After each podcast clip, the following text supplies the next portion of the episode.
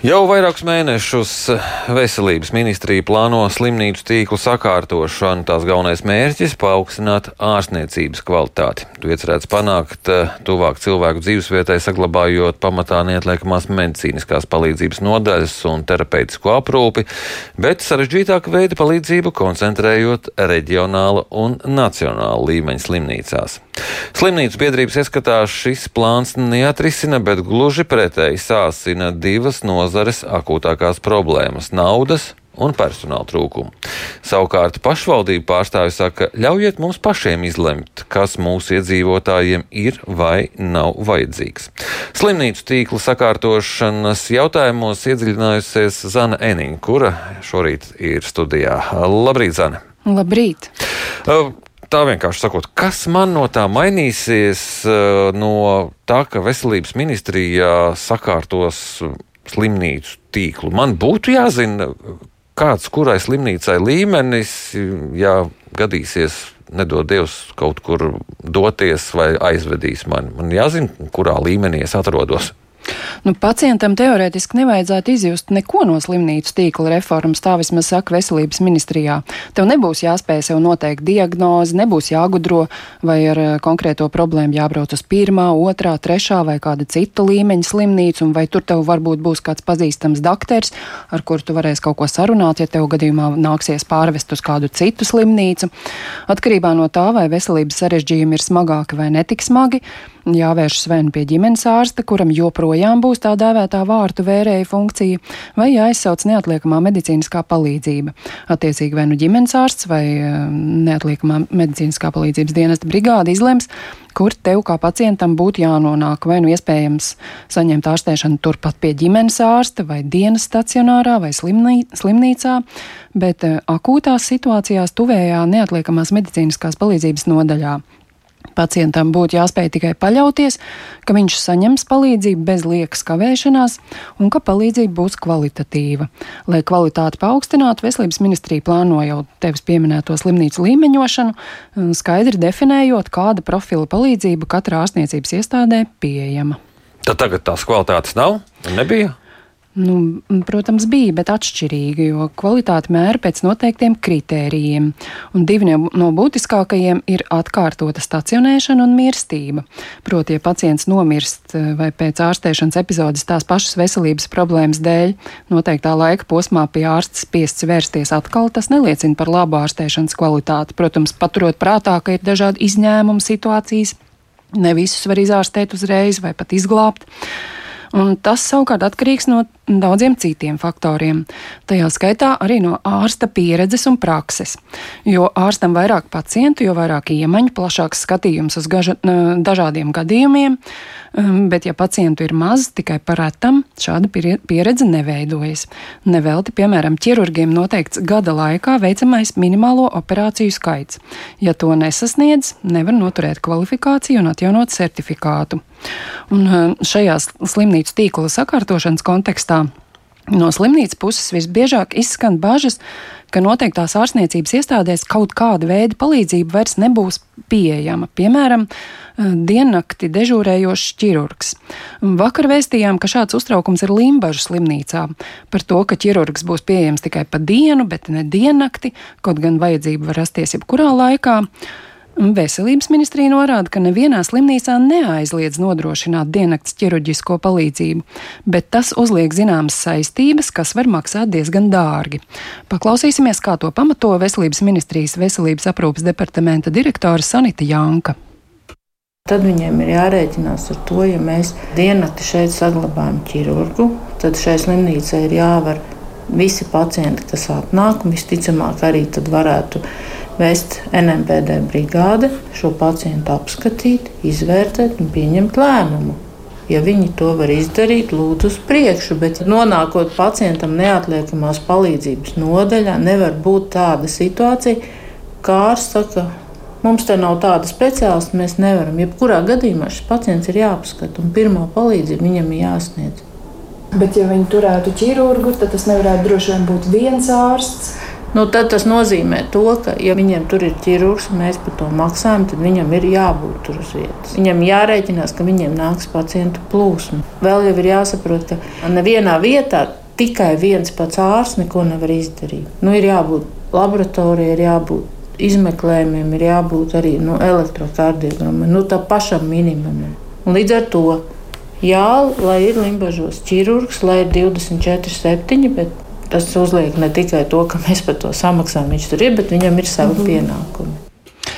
Tātad, eh, kā skaidroja Veselības ministrijas pārstāve, ja slimnīca apņemas sniegt diennakts ķirurģisko palīdzību, tas nozīmē, ka vajadzīga arī laboratoriskie izmeklējumi un diagnostiskā aparatūra, arī anesteziologs un palīgi personāls, jo ķirurgs nedarbojas viens pats. Turklāt, lai varētu uzskatīt, ka ķirurģiskā palīdzība tiek nodrošināta diennakti, ar vienu pašu ķirurgu nepietiek. Proti, strādājot adekvātā slodzē, nevis vienu diennakti dežūru pēc, diennakts dežūru pēc otras, šis darbs eh, maiņās būtu jādara vismaz četriem ķirurgiem. Tad pakalpojumu varētu uzskatīt par kvalitatīvu, ja šie četri ķirurgi būtu pietiekami noslogoti, lai uzturētu kvalifikāciju, bet no otras puses arī pietiekami atpūtušies, lai kādu kļūdu nepieļautu pārstrādāšanās dēļ. Un te mēs nonākam pie slimnīcu biedrības iebildumiem, ka slimnīcu tīkla sakārtošanas plāns sāsina vienu no galvenajām problēmām nozarē - speciālistu trūkumu, jo turoties pie šī paša piemēra par ķirurgiem, četri ķirurgi viena ķirurga vietā pašlaik ir kaut kas neiedomājams. Lūk, kā uz to raugās slimnīcu biedrības vadītājs Jevgeņijs Kalējs. Tie normatīvi, kuri ir izstrādāti, ja, piemēram, ja viens ārsts uz sešām pacientu gultām ir daudz, daudz lielāki nekā patreizējā brīdī. Patreizējā brīdī viens ārsts, piemēram, nu, terapijas nodaļa apkalpā 20 pacientus. Un līdz ar to tas noteikti padziļinās personāla trūkumu problēmu. Ne tikai ārstu, bet arī māsu problēmu. Tātad eh, plānu īstenojot, personāla trūkums būs vairāk jūtams, bet ministrija turpretī prasībā pēc augstākas kvalitātes saskata instrumentu, kas veicinās specializētas palīdzības un līdz ar to arī pašu speciālistu koncentrāciju augstāka līmeņa ārstniecības iestādēs. Kā skaidroja Sanita Janka, tiklīdz Nacionālais veselības dienests skrupulozi sāks kontrolēt kvalitātes kritēriju ievērošanu, Varbūt eh, zemāk līmeņa slimnīcas aptvers, ka nevar atļauties nodrošināt kaut vai to pašu diennakts ķirurģiju vajadzīgajā līmenī, un tāpēc eh, no šī profila atteiksies. Līdz ar to ķirurgs no šīs iestādes pārcelsies darbā uz augstāka līmeņa iestādi. Pēc līdz šim publiskotajām iecerēm pavisam paredzētas piecu līmeņu slimnīcas, kur pirmais ir pamata līmenis, vienkāršāka aprūpe, bet katrs nākamais arvien augstāks līdz pat piektajām universitāšu slimnīcām, kas sniedz palīdzību visspecifiskākajos gadījumos. Zemāko līmeņu slimnīcās varētu, teiksim, atvesļoties pēc ārstēšanās augstāk līmeņa slimnīcās. Specifiskāka un sarežģītāka palīdzība nosacīti attālinātos no pacientiem bet tuvāk un īsākā laikā pieejama paliktu neatliekamā palīdzība, stabilizā, stabilizācija akūtās situācijās vai vienkāršāk līmeņa ārstēšana vai aprūpe.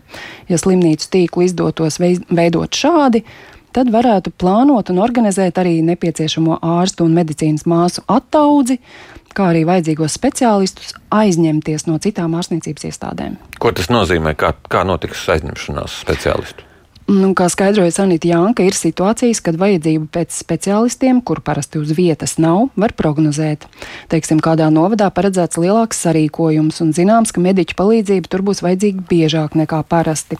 Tad attiecīgos speciālistus varētu aizņemties no lielajām universitāšu klinikām un piesaistot, teiksim, ar piemaksām. Un tāpat varētu rīkoties, ja kādā slimnīcā ārsts, teiksim, saslimst vai aiziet atvaļinājumā, tad uz laiku viņu varētu aizstāt kolēģis no citas iestādes. Cik lielā mērā pašvaldības ir iesaistītas slimnīcu tīkla sakārtošanā? Pašvaldības ir iesaistījušās, bet eh, slimnīcu tīkls ar pašvaldību karti nesakrīt. Un tam arī nav jāsakrīt, eh, uzskata veselības ministrija, jo slimnīcu tīkla funkcionēšana tā cer balstīt iestāžu savstarpējā sadarbībā un neatkarīgi no pacienta dzīves vietas. Bet pašvaldība interesi turpretī ir nodrošināt konkrētās teritorijas iedzīvotājiem visu, ko vien iespējams un pēc iespējas tuvāk. Un tas arī saprotami, jo eh, sasniedzami veselības aprūpas pakalpojumi, līdzīgi kā izglītība, ir viens no priekšnoteikumiem, kāpēc cilvēki vispār izvēlas kaut kur dzīvot vai nedzīvot un pārcelties. Tāpēc pašvaldības saka, ļaujiet mums pašiem izlemt, mēs esam mūsu cilvēkiem vistuvāk un zinām, ko viņiem vajag. vajag. Gribam, lai cilvēki pie mums justos droši, ka, ja vajadzēs kaut kādu ārstēšanu, tad tā būs pieejama. Un par to es sarunājos ar Latvijas pašvaldības Savienības veselības un sociālo jautājumu komitejas priekšsēdētāju Sergeju Maksīmovu. Viņš ir arī balvu novada domas priekšsēdētājs, ievēlēts no Latgales partijas saraksta, tāpēc ar nu, tādu zinām kompetenci spriest par veselības aprūpas pieejamību attālās vietās pierobežā. Un viņš reformas plānos saskat zināms pretrunas. Paklausīsimies, kāds ir viņa skatījums. Centrālās slimnīcas Rīgā visas ir pa lielam pārvaldītas un ļoti noslogotas, bet tajā pašā laikā mēs skatāmies, kā kā mazināt šīs e, reģionālās slimnīcas. Manuprāt, tas solis nav pareizs. Mums ir jāsadarbojas, nevis jākonkurē. Protams, ir zinātne, ir medicīnas zinātne, tam ir sava loma, bet nedrīkstam mēs ar katru mazu skrambiņu sūtīt zinātniekiem bintē. Tam, ko runā Sergejs Maksīmovs, piebalso arī veselības ministrija. Pat labam pacienti patiešām neret arī ar salīdzinoši vienkāršām veselības problēmām tiecas uzreiz ārstēties visaugstākā līmeņa slimnīcās, kaut gan palīdziet varētu arī zemāk līmeņa iestādē. Ministrijas ieskatā nemazums piepūles prasīs tieši pacientu domāšanas maiņa. Panākt, lai, pārfrāzējot balvu novada mēru, cilvēku vairs nevēlētos, lai katru pušumu apsaitē medicīnas profesors. Taču uh, arī ģimenes ārstu laukos trūks, tāpēc tas ir vēl viens no veselības ministrijas darāmajiem darbiem - stiprināt šo institūciju. Nu, un, ja tu man jautātu, vai balvu novadā tad paliks tikai ģimenes ārsti, kur pārs, pārsies pušumus, bet uh, kas tad būs ar reģionālajām slimnīcām, kas tad galu galā paliks laukos, kurp vedīs kādu uz lauku ceļa avārijā cietušo vai, teiksim, sievieti, kurai sākušās dzemdības. Uh, Tad iepriekšējā sarunās starp eh, slimnīcu vadītājiem un veselības ministriju izkristalizējies, ka neatliekamās palīdzības nodaļas paliks tur, kur tās ir tagad, tās neslēgs, lai avāriju vai traumu gadījumā cietušais nebūtu jāved pāri visai Latvijai, eh, bet viņi varētu stabilizēt un novērtēt tuvākajā neatliekamās palīdzības nodaļā. Bet runājot par dzemdību palīdzību, paredzams, ka par to vēl varētu notikt karstas diskusijas, jo tieši tās pieminēja arī Sergejs Maksīmovs, proti, lai dzemdību nodaļas darbu darbu varētu uzskatīt par kvalitatīvu, pastāv kritērijs ne mazāk kā 500 dzemdību gadā. Bet nu, daudzās vietās, kā zināms, dzimstības līmenis nav tik augsts, un to ir ļoti grūti sasniegt šādu daudzumu. Jā, paldies par slimnīcu tīklu sakārtošanas jautājumiem, stāstīja Zana Eniņa. Paldies!